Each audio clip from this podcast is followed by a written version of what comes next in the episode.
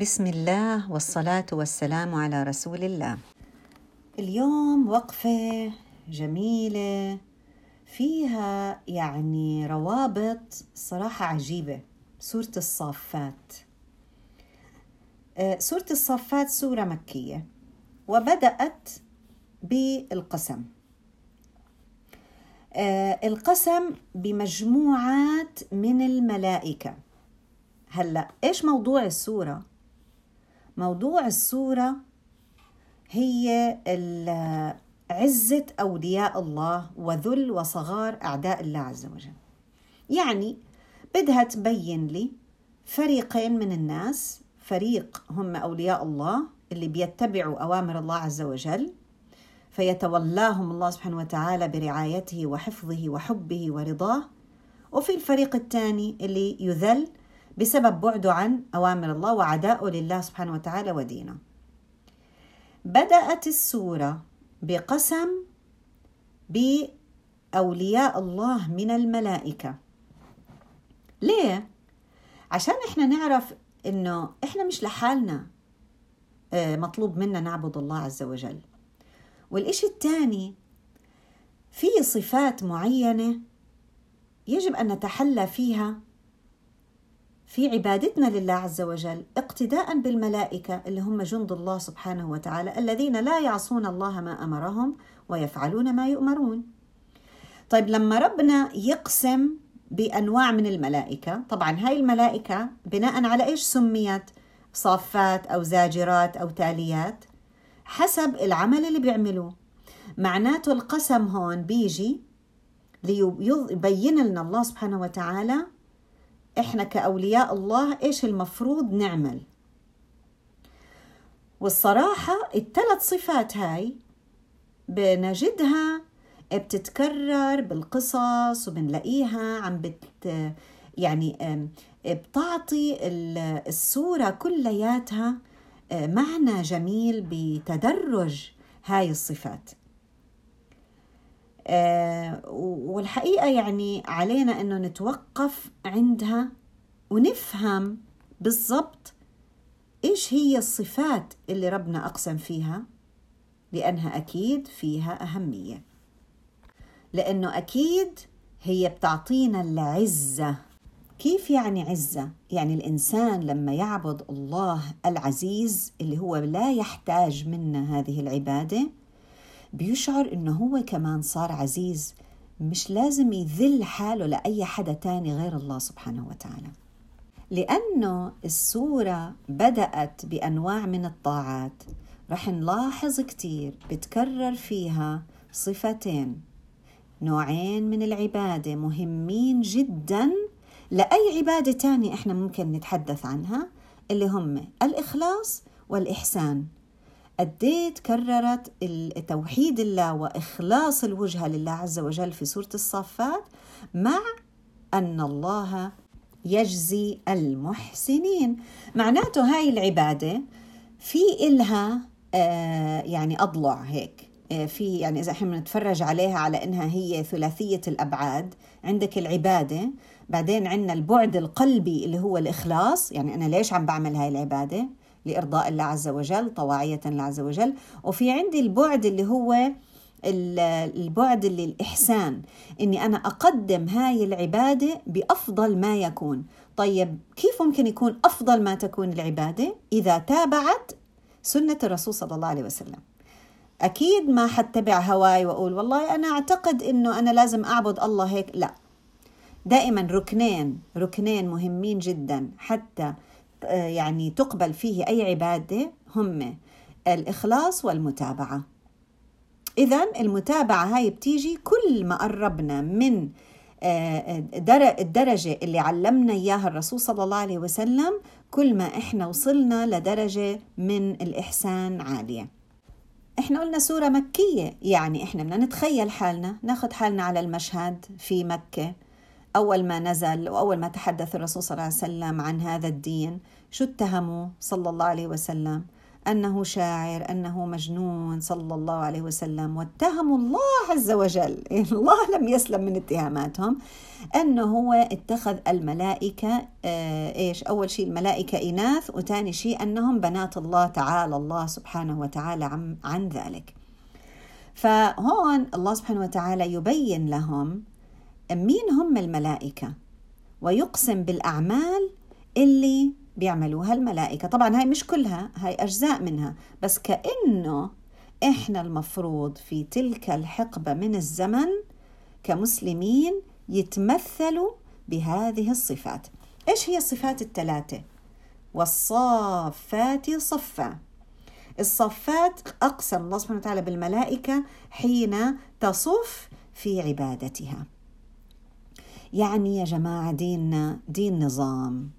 ديننا دين نظام ما حنقدر آه نبلغ هذه الرسالة بالفوضى اللي إحنا عايشينها.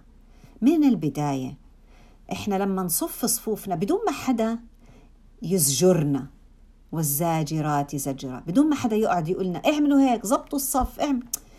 إحنا من جوانا في عنا بوصلة بتقولنا إحنا لازم نصف. ليش لازم نصف صف؟ عشان تتحقق العدالة.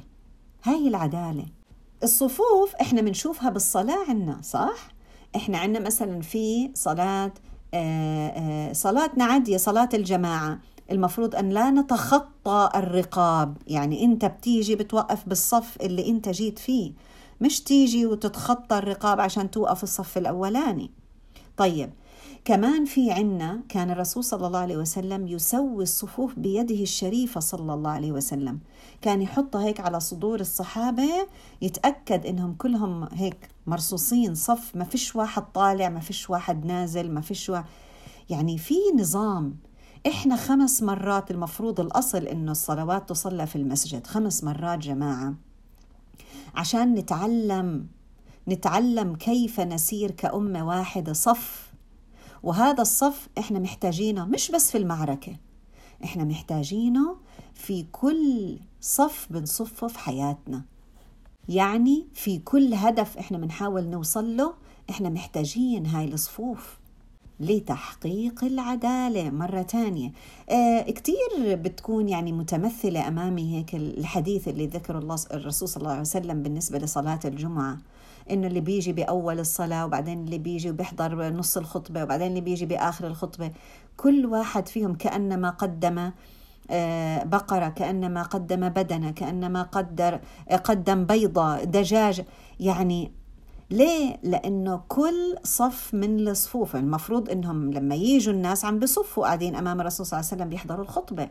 فمعناته الصفوف بيختلف ميزانها عند الله عز وجل. هون بتستحضرني آه، قصة سواد. سواد رضي الله عنه كان الرسول صلى الله عليه وسلم بصفهم بصفوف آه، بالمعركة. فكان الرسول صلى الله عليه وسلم عم بصف الصحابة وماسك بيده آه، صلى الله عليه وسلم عصا.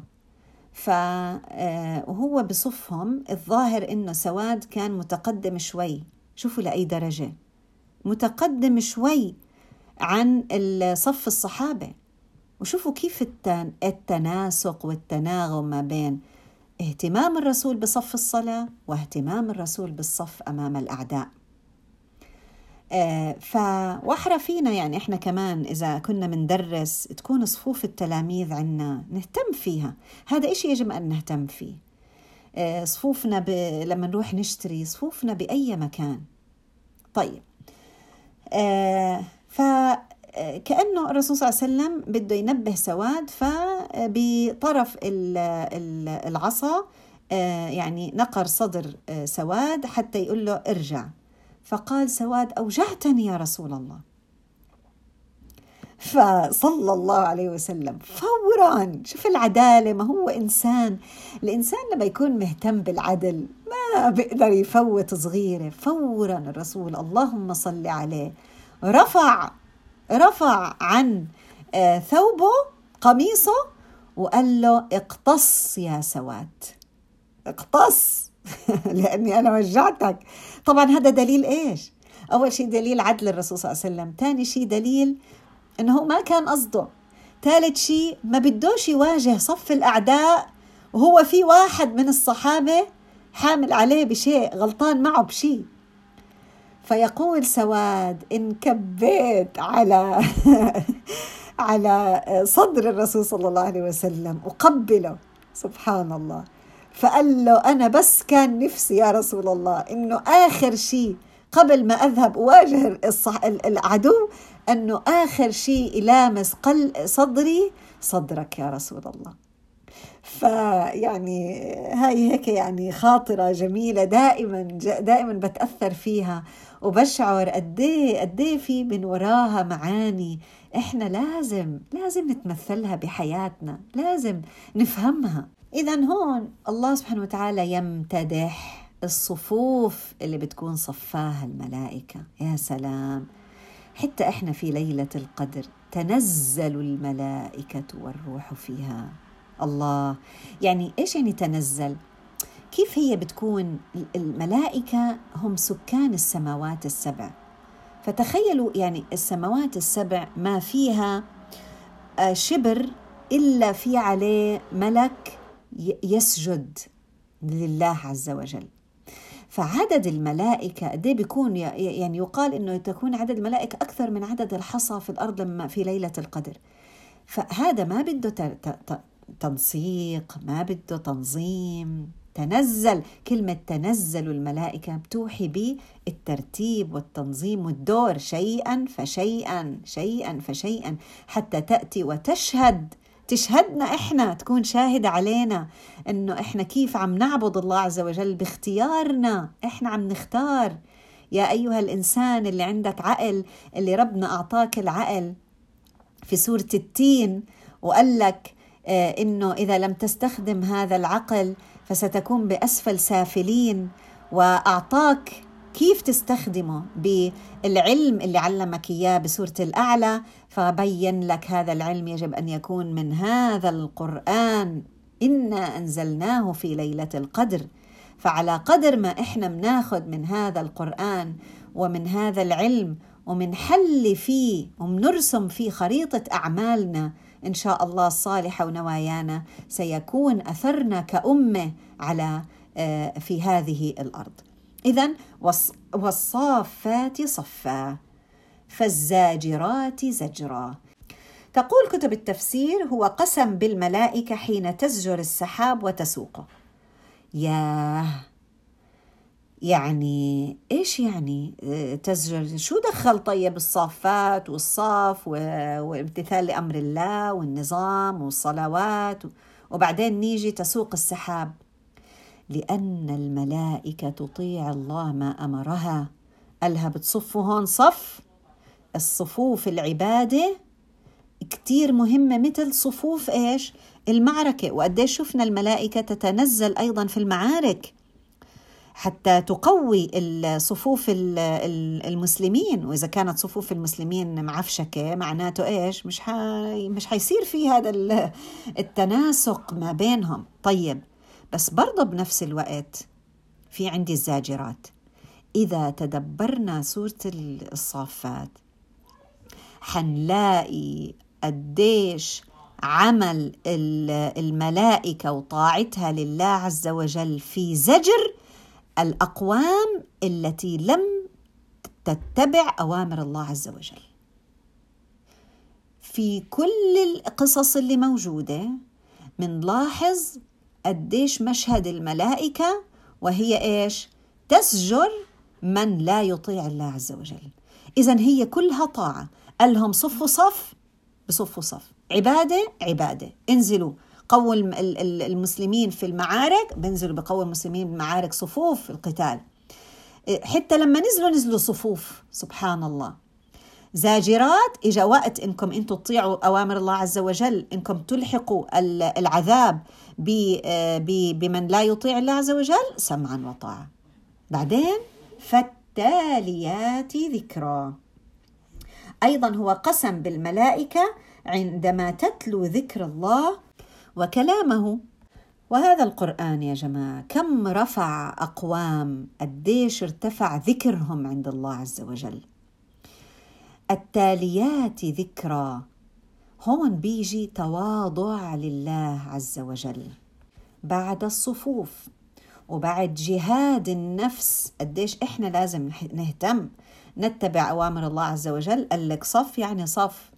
بعد ذلك زاجرات قال لك تجاهدي نفسك بدك تجاهدي نفسك لأن هاي من أعظم العبادات اللي هي جهاد النفس وهون أقسم بالزاجرات دليل إيش؟ إنه إحنا إحنا ك كإنس علينا إنه إحنا نزجر أنفسنا أيضا عن فعل المعاصي واللي راح يساعدنا على ذلك هو تلاوة ذكر الله عز وجل. من أعظم الذكر هو القرآن الكريم إنا نحن نزلنا الذكر وإنا له لحافظون. آه، عندما نتلو هذا الذكر ونتدبر هذا الذكر هذا رح يساعدنا إنه إحنا نرجع نكمل الدائرة مرة ثانية ونعبد الله حق عبادته فنكون صف في عين آه، الله سبحانه وتعالى. يفخر فينا الله عز وجل. الله بيحب يعني يحب هاي الصفوف التي آه، يعني تذكره وتعبده بنظام بعدل. فهون تلاوة الذكر بتيجي ليش؟ لأتقوى. صدقا صدقا صدقا. الذكر له مفعول سحري في قلب الإنسان وفي تغيير قلب الإنسان وتثبيته من حال إلى حال. يعني لما إحنا نيجي نشوف إنه في آه، آه، لما قال الصحابة حسبنا الله ونعم الوكيل آه، بدل الله حالهم وانقلبوا بأحسن حال. لما قال إبراهيم عليه السلام حسبنا الله ونعم الوكيل قال الله يا نار كوني بردا وسلاما على إبراهيم.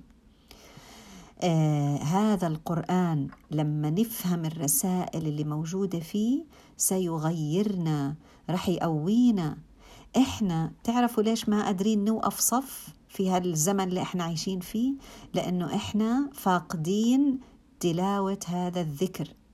وتلاوة الذكر مش بإني أنا يعني بلساني لا. تدبرا بقلبي. لأن الله سبحانه وتعالى ما أنزل هذا الكتاب وما شرف فيه آه، رمضان وليلة القدر والأمة الإسلامية والرسول صلى الله عليه وسلم ونزلوا في أشرف الليالي ونزلوا يعني مع أشرف الملائكة الروح جبريل عليه السلام ما صارت هاي الأشياء عشان إحنا بس نقرأه بلساننا ونقوم ونفكر إنه هو هيك رح يغيرنا لا. عشان نقدر نصف هذا الصف علينا أن نتلو الذكر. فاذكروني أذكركم واشكروا لي ولا تكفرون. والله يقول أنا مع عبدي إيش؟ آه, آه، ما ذكرني. طالما الإنسان يذكر الله عز وجل فالله سبحانه وتعالى معه. طيب إحنا لما بدنا نواجه أي صف من صفوف حياتنا عشان إحنا نحقق أي هدف من أهداف حياتنا مش بدنا يكون مع بدنا معية الله عز وجل؟ شوفوا كيف. يعني في آه، تخليص وفي إحسان. وإن الله لمع المحسنين. قد إيه أهمية هاي الأشياء في تحسين العمل اللي إحنا بنعمله ونقدمه آه، لله سبحانه وتعالى. وبذلك تكون عزة أولياء الله بطاعته وولايته. في نهاية السورة يقول الله سبحانه وتعالى آه، يعني بعد ما هم اتهموه جل جلاله طبعا ليش بدأت زي ما قلنا القسم بالملائكة؟ لأنه الله سبحانه وتعالى يريد أن يفند هذه المداعي اللي هم قالوها. فقال سبحان الله عما يصفون. إلا عباد الله المخلصين. فإنكم وما تعبدون ما أنتم عليه بفاتنين. إلا من هو صال الجحيم وما منا إلا له مقام معلوم. وإنا لنحن الصافون. وإنا لنحن المسبحون. الله. كيف بداية؟ نهاية السورة يتناسب مع بداية السورة. بداية السورة بيقول والصافات صفا فالزاجرات زجرا فالتاليات ذكرى نهايتها وإنا لنحن الصافون وإنا لنحن المسبحون. الأولى تصف الملائكة الثانية تصف أولياء الله عز وجل اللي تمثلوا بأخلاق الملائكة وأعمالهم. معناته إيش متوقع من الله سبحانه وتعالى بعد ذلك؟ أن ينصرنا. إذا آه الكافرين والمعرضين وخاصة اللي نزل القرآن وقت إعراضهم. كان عندهم شغلتين مثل ما دائما بنقول آه قالقينهم. أول إشي كانوا يعتبروا أن الملائكة بنات الله تعالى الله عن ذلك والإشي الثاني هو البعث. هذا إشي يعني كان كتير صعب عليهم إنهم يستوعبوا. هلأ في هذه السورة يعني الله سبحانه وتعالى فند الموضوعين. بدأ بأعمال الملائكة وانتهت بالتسبيح وتنزيه الله عن اتخاذ الملائكة بنات وإن كان هم من مخلوقات الله عز وجل وجند من جنوده. والإشي الثاني اللي هو آه، موضوع أإذا متنا وكنا ترابا وعظاما. ممكن نتخيل إنه هذا السؤال تكرر كثير بالقرآن، لكن هو في الحقيقة ذكر خمس مرات بالقرآن، بكل سور القرآن. اثنين منهم بسورة الصفات. بس كيف اجى تذييل الآية؟ أول شيء أإذا متنا وكنا ترابا وعظاما أإنا لمبعوثون؟ يعني هم إيش؟ عم ينكروا إنهم هم يرجعوا يبعثوا مرة تانية بعد ما يصيروا تراب وعظام. الثانية أإذا متنا وكنا ترابا وعظاما أإنا لمدينون يعني هو إحنا رح نكون مديونين عن جد ورح نتحاسب. يعني مش بس إنه نبعث كمان بدنا نتحاسب على آآ آه، آآ آه، ونشوف نتائج أعمالنا اللي إحنا عملناها. هذا السؤال يا جماعة يعني حتى إحنا ممكن نتساءله مرات آه، وكأنه يعني بنخاف دائما بنخاف من مواجهة أنفسنا بنخاف من هاي شغلة شغلة الحساب. فدائما نوهم حالنا أنه خلص خلص إن الله غفور رحيم ما بدنا نفكر بهذا الموضوع. لكن الإنسان الذكي فعلا اللي هو بده يكون عارف إحنا سنبعث وسنحاسب. لذلك ينتبه الإنسان إلى أعماله. في شغلة تانية تكررت في هذه السورة آه وإحنا بنحس إنه في كل سور القرآن كمان ممكن تتكرر هاي العبارة اللي هي عباد الله المخلصين. سور كثيره موجود فيها. هي في الحقيقة في سور القرآن تكررت ثمان مرات. من هاي الثمانية احتلت سورة الصافات مرتبة الصدارة. يعني إيش؟ خمس مرات ذكرت وتكررت هذه العبارة. وهذا دليل على قديش آه، مهم فعلا آه، الإخلاص في عبادة الله عز وجل. هاي السورة تكرر فيها المخلصين تكررت فيها المحسنين وتكرر فيها وصف المؤمنين. ليش؟ حتى يقولنا الله سبحانه وتعالى بدكم معية الله عز وجل وتأييده ونصره لازم تكونوا فيكم هاي الصفات الثلاثة. هلأ إحنا بنعمل أعمال. هاي الأعمال إحنا بنعرف إنه مش هي اللي رح تدخلنا الجنة. في إشي تاني هو اللي رح يدخلنا الجنة اللي هو رحمة الله عز وجل. طيب والأعمال؟ الأعمال هي اللي بتحدد مكاننا في الجنة مرتبتنا في الجنة درجتنا في الجنة. آه. طب عشان طب إذا شو العلاقة بين العمل وبين دخول الجنة برحمة الله عز وجل؟ في تعلق بسيط وحلو لكن هو طبعا إيش؟ يعني هو بسيط في في في وصفه إلا إنه بده شغل يعني طول حياتنا بنضلنا نشتغل عليه. هاي الأعمال اللي بنعملها إحنا اللي علينا نعمله ونحرص عليه هو إخلاصنا في أعمالنا لله عز وجل. إذا تقبل الله هذا الإخلاص سيرحمنا. وإذا رحمنا دخلنا الجنة وبعدين إحنا بندخل الجنة وبنشوف وين إحنا أعمالنا بتوصلنا. إذا إيش التريك شو مربط الفرس؟ شو العلاقة ما بين أعمالنا ودخول الجنة والحصول على رحمة الله؟ هو قديش إحنا بنتعب على هذا الإخلاص في أعمالنا حتى يتقبلها الله سبحانه وتعالى منا. هذا الإخلاص هل لازم يكون فقط من أنبياء أو من أولياء الله أو هو مين أولياء الله المخلصين؟ هدول ممكن الوصف يكون وصف لأي شخص. مش لازم يكون له مؤهلات مسبقة. مش لازم يكون رسول ولا نبي أو صحابي أو حواري أو لا. هو أي إنسان مثلنا عادي بهمه في عمله أن يرضي الله عز وجل وفقط لا غير. صحيح هو الأمر هذا مش سهل لكنه بنفس الوقت ليس مستحيلا.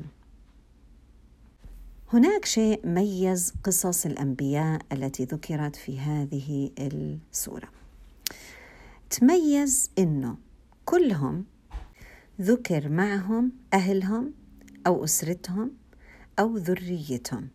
الأسرة ممكن تنفهم بمعناها الضيق اللي هي الأخ أو الابن أو الزوجة آه، أو الأبناء وممكن تنفهم بمعناها الأوسع اللي هي الذرية أو القوم أو آل الشخص. المحيط اللي بيحيط الشخص وخاصة اللي هو بسموه الصف الأول يعني اللي هي الأسرة آه، من أخ زوجة أبناء آه، هدول آه، هذا الخط الحقيقة الإنسان هو اللي بيتقوى فيه وبتزيد قوته فيه وغالبا ما إحنا نتناسل أصلا ليش؟ علشان يكون في عنا ذرية اللي تحمل اسمنا علشان إحنا يكون عنا يعني هاي العلاقات اللي ناشئة عن هاي الغريزة الأساسية من غرائز البشر. إلا أنه في قصص هذه السورة اتجاوزت بدائية الغريزة اللي إحنا كلنا بنشترك فيها مع المخلوقات الأخرى إلى ما بعد ما وراء بقاء النوع. صارت مرتبطة بحاجات نفسية. حاجة إنه أنا بدي الهداية ل آه، لأسرتي بدي الهداية لقومي بدي الهداية لأخي لزوجتي وهكذا. وهذا بخلينا نستشعر الألم اللي ينتاب الإنسان. إذا أحد هذه الأفراد أو الأنواع من الأشخاص آه، لم يهتدي سبحان الله. قديش بكون الألم؟ وهذا شفناه بقصة نوح عليه السلام لما شفنا ابنه امتنع عن إنه آه، يعني يستمع له آه، شفنا في قصة لوط عليه السلام كيف زوجته هي كانت الابتلاء. شفنا في شفنا كيف بقصة موسى عليه السلام كان هارون أخوه هو سنده. شفنا بقصة إبراهيم عليه السلام كيف أول شيء آه والده آه رفض طبعا أنه هو آه يعني يستمع له وحتى قومه كلهم تآمروا عليه لدرجة أنهم هم بنوا له تلك النار العظيمة. وبعدين شفنا كيف ابتلاءه الشديد بابنه اللي هو كان عم يستناه. وبعدين رب العالمين قال له إنت ابتلاءك بدك إيش؟ تذبح هذا الإبن اللي طال انتظارك له. ابتلاء عظيم جدا يتناسب مع إبراهيم عليه السلام اللي هو أمة. فعلا قال صلى الله عليه وسلم أشد الناس بلاء الأنبياء ثم الأمثل فالأمثل. لكن أنبياء الله عز وجل هم آه، أعطونا أمثلة في الصبر وفي تلقي ابتلاءات الله عز وجل بأدب وبتواضع وصبر. وكانوا أسوة للرسول صلى الله عليه وسلم وللصحابة ولنا من بعدهم.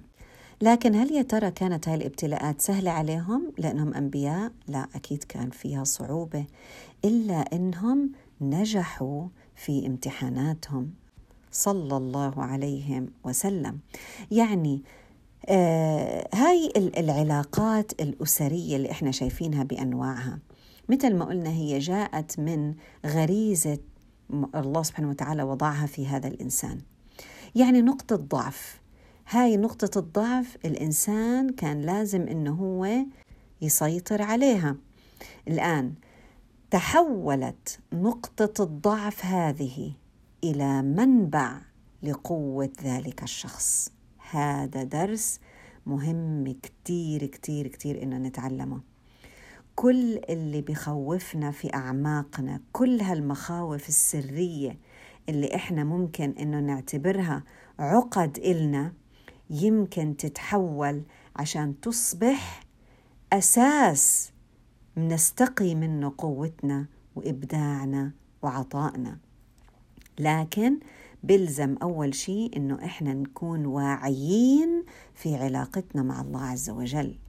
نكون عارفين إنه قبل ما تكون علاقاتنا بيننا وبين أسرنا آه هذه العلاقات المادية الحميمية هم أب قبل ما تصير هاي العلاقات بيننا هم أصلا عباد لله. وكلياتنا عباد لله يبتلينا الله سبحانه وتعالى لينظر كيف نفعل. ولنا طبعا في أنبياء الله آه، أسوة حسنة في ذلك.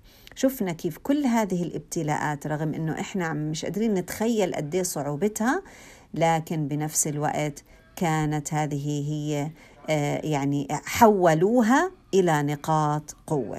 طيب يونس عليه السلام ما ذكر له لا زوجة ولا ابن ولا أخ ولا ولا أب.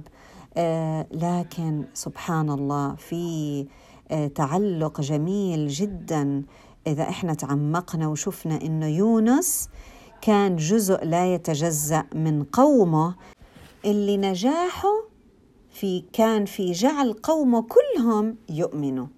طبعا إحنا عارفين أيضا يونس عليه السلام كيف إنه آه، خرج من قومه مغاضبا واعتقد إنه خلص يعني ما حدا رح يؤمن وغضب منهم. آه، لكن سبحان الله كان علاجه بعد جهاده مع نفسه. هو إيش؟ هو التسبيح. وبعد ذلك الله سبحانه وتعالى رجع رجع له قومه مرة أخرى وآمنوا. آه يعني كأنه مرات مخاوف الإنسان ممكن تكون هي أحد أكبر دوافعه للنجاح. كانت القصص في سورة الصفات آه، سريعة جدا وقعها سريع إيقاعها سريع. ما كان في تطويل بالقصص بس كان في هيك رسالة قوية بتتناسب مع الثلاث صفات اللي هي صفات الملائكة آه، اللي ذكرت في بداية السورة. أول إشي الإنسان عليه أن يعمل يقف صف بده يعمل. كل إنسان حسب هو كيف وضعه في الحياة بده يعمل.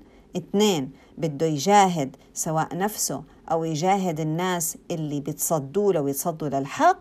رقم ثلاثة لازم يقوي نفسه بالتسبيح وبذكر الله سبحانه وتعالى. وهذا فعلا اللي إحنا شفناه في هذه القصص. دائما في يلوذ الإنسان إلى الله عز وجل بالنهاية. كل القصص فيها ملاذنا هو الله سبحانه وتعالى. يوم لا ينفع مال ولا بنون إلا من أتى الله بقلب سليم. هذا القلب السليم كيف بدنا نوصل له؟ آه، بأن الإنسان دائما يجاهد هاي الأمراض اللي بتيجي على هذا القلب ومن أفضل الأشياء مثل ما قلنا هي تلاوة الذكر وأن أن نجعل هذا القرآن يا جماعة يقرأ حياتنا فيعطينا الدواء لأمراض قلوبنا وللأمراض اللي إحنا آه، عم نعاني منها آه، سواء الأمراض القلبية أو أمراضنا الروحانية معاصينا آه، سوء ظن بالله عز وجل وإلى آخره. هاي كلياتها حقيقة لو إحنا آه، آه، يعني استخدمنا الذكر بطريقة خاشعة جدا صدقا ستداوي كل هذه الأمراض واحدة واحدة. يمكن أكثر قصة ذكرت بالتفصيل وهذا هو كان موضع الموضع الوحيد بالقرآن هي قصة رؤية إبراهيم عليه السلام آه، كيف كان آه، يعني أنه رأى في المنام أنه يذبح إسماعيل عليه السلام. هون سبحان الله في اختلاف شوي. هون إبراهيم عليه السلام وقصته مع ابنه إسماعيل عليهم السلام كان إسماعيل عليه السلام مع في نفس المنتاليتي نفس الفكر مع أبوه إبراهيم عليه السلام. لكن إجا الابتلاء من وين؟ بشكل مختلف شوي اللي هو أي الحبين أعظم في قلبك يا إبراهيم؟ آه لكن الأمثلة الأخرى آه مثلا نوح عليه السلام كان ابتلاءه في ابنه لكن كان ابنه على عكس طريقة تفكيره. آه فهون سبحان الله يعني فيها آه, آه، لطيف لطيفة جميلة. فقد يحتاج أحيانا الشخص منا إنه يضحي بما هو فعلا عزيز عليه كتير وبما هو جزء منه. مش لأنه هذا الجزء لازم يتخلص منه مثلا لعيب فيه لا. يعني آه، إسماعيل عليه السلام ما كان في عيب بالعكس فلما بلغ معه السعي يعني يا أبتي الطريقة أصلا هو لما جاء إبراهيم عليه السلام يحكي مع ابنه يعني مجرد أنه إجي يعني أنا بتخيل مثلا أنا أجي أحكي مع ابني بهيك موضوع آه، طبعا مش حنقول أذبحك ولا إشي يعني أنا بس أجي بدي أقول له يعني وزن أمور الدين مع الدنيا يمكن يجي نصير إحنا يعني اللي قاعدين يعني جايين من كوكب آخر. فما بالنا إبراهيم عليه السلام جاي يقول لابنه إني أرى في المنام أني أذبحك فانظر ماذا ترى شوفوا العلاقة المتأسسة شوفوا الحب اللي موجود سبحان الله لكن هون الأولويات حتمت على إبراهيم عليه السلام وإسماعيل عليه السلام تقديم أشياء أخرى أولى وأهم وهي ال ال الانصياع لأوامر الله سبحانه وتعالى. يعني الإنسان بده يتخلص هي المخلصين يتخلص مما هو عزيز عليه كأنه جزء من قلبه لأنه رب العالمين أمره آه، بشيء معين ولكن شوفوا كيف رحمة الله سبحانه وتعالى بالنهاية. كان فقط ابتلاء وظل معه إلى النهاية وبعد ذلك جاء الفرج. فينا ناس كتير من اللي عم بيستمعوا آه واللي عم بتقول. عنا ابتلاءات بأبنائنا قد تكون ابتلاءات بأزواجنا قد تكون ابتلاءات بإخواننا قد تكون ابتلاءات بالعائلة آه قد تكون ابتلاء بالزوجة يعني بالأب بالأم. يعني نسأل الله سبحانه وتعالى الهداية للجميع. ولكن علينا أنه نعرف إن لازم نقدر أولوياتنا في هذه الحياة. وعلاقتنا أصلا بهذه العلاقات المادية يجب أن تكون لإرضاء الله عز وجل مش استعباد.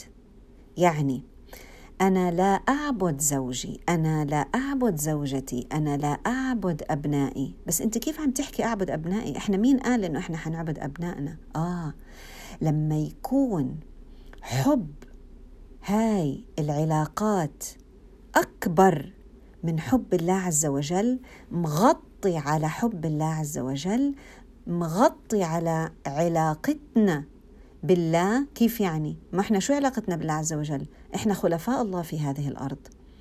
لما تكون إحنا علاقاتنا مغطية علينا مشوشة هاي الصورة يعني مكبلة إيدينا يعني أنا مش قادرة أعمل شيء لأني أنا آه، آه، زوجي أمرني بشيء وهذا الشيء عم بمنعني إني أنا أكون خليفة على هذه الأرض. أولادي بحبهم لدرجة إني أنا بس فقط أنا عايشة آه، لتلبية حاجاتهم فقط لا غير. هلأ إذا كنت أنا بعمل هيك سواء في زوجي طاعة زوجي أو في العناية بأولادي كخليفة لإرضاء الله عز وجل لأني أنا بعمل ذلك لأنك أنت يا ربي أمرتني بذلك فهذا أكيد عبادة. لكن لما أنا ما أقدر إني أطيع رب العالمين عشان أنا بطيع أوامرهم فهون بيجي الخلل. هون بيجي الخلل يا جماعة هون بيجي الابتلاء. لذلك الإنسان لازم يكون عايش بذكاء. إحنا عايشين نعبد الله. فكل علاقاتنا لعبادة الله عز وجل. مش أنا لما تيجي علاقة رب العالمين يبتلينا والعياذ بالله الله لا يبتلينا. بأحد هذه العلاقات أنا بشعر كأني أنا آه، الدنيا يعني خلص أنا بطل إلي وجود في هذه الدنيا. لا. ولنا في الأنبياء أسوة حسنة. وهذا هو محور يعني سورة الصافات واللي إن إحنا بناخده من سورة الصافات علينا أن آه، نعبد ونجاهد وبعد ذلك نستعين بالله عز وجل. في بعض الأحيان بنحس حالنا إحنا عايشين عشان أولادنا إحنا عايشين عشان أزواجنا. هذا الحقيقة يا جماعة هذا خطأ. إحنا مو عايشين عشانهم إحنا عايشين لنعبد الله عز وجل. بخدمتهم بحسن تربيتهم بحسن تبعلنا لأزواجنا. هذا لإرضاء الله عز وجل. لكن لما أنا آجي أشوف إنه والله ابني أو بنتي آه، يعني آه، اجى الأوان إنهم يتزوجوا وأنا حاسه حاسة حالي إني أنا بعد كل هاي السنين اللي قضيتها معهم هلأ بدهم يجوا يتزوجوا وهون بتيجي طبعا كيد الحموات والأشياء وهون هاي أساسها. لما أجي أحس إنه لا أنا ما بقدر أعيش أنا مش قادرة أعيش لأنه ابني طلع بده يتزوج من البيت هذا شيء يعني إنذار خطر لأنه إحنا آه، يعني هم لا يستعبدون إحنا ما بنعبدهم إيش يعني نعبدهم؟ يعني أوامرنا ونواهينا نأخذها منهم يعني أنا بس بدي أرضيهم. أنا عايشة بقوم بصحى الصبح بتنفس علشان أرضيهم. هذا كلام خاطئ. هذا فيه إشراك العباده مع الله عز وجل. هذه ما فيها عزة على فكرة. هاي ما فيها عزة هاي فيها ذل. فإحنا لازم ننتبه لهذا الموضوع كتير منيح. آه، حتى يعني نقدر نظبط أولوياتنا في الحياة ونظبط طريقة محبتنا لعائلتنا وأسرتنا وأفراد أسرتنا وأبنائنا وبناتنا وأولادنا وأبائنا وأمهاتنا وأزواجنا وزوجاتنا. هاي العلاقات والأولويات لازم كلياتها تتظبط بحيث إنه آه، آه، يعني هون مثل ما شفنا إبراهيم عليه السلام كان لازم آه، حس في لحظة من اللحظات أن الله سبحانه وتعالى يأمره أنه هو يجب أن ينهي علاقته بابنه كان على استعداد أن يفعل ذلك رغم أنه هذا الموضوع كان أكيد صعب عليه جدا. إحنا نفس الشيء لازم نستعد إنه إحنا أولادنا بدهم يتركونا يروحوا يتزوجوا. آه آه الله العليم إحنا ما بنعرف رب العالمين شو كاتب لنا. حتى صحتنا إحنا يمكن ربنا يبتلينا إنه يأخذ جزء من صحتنا.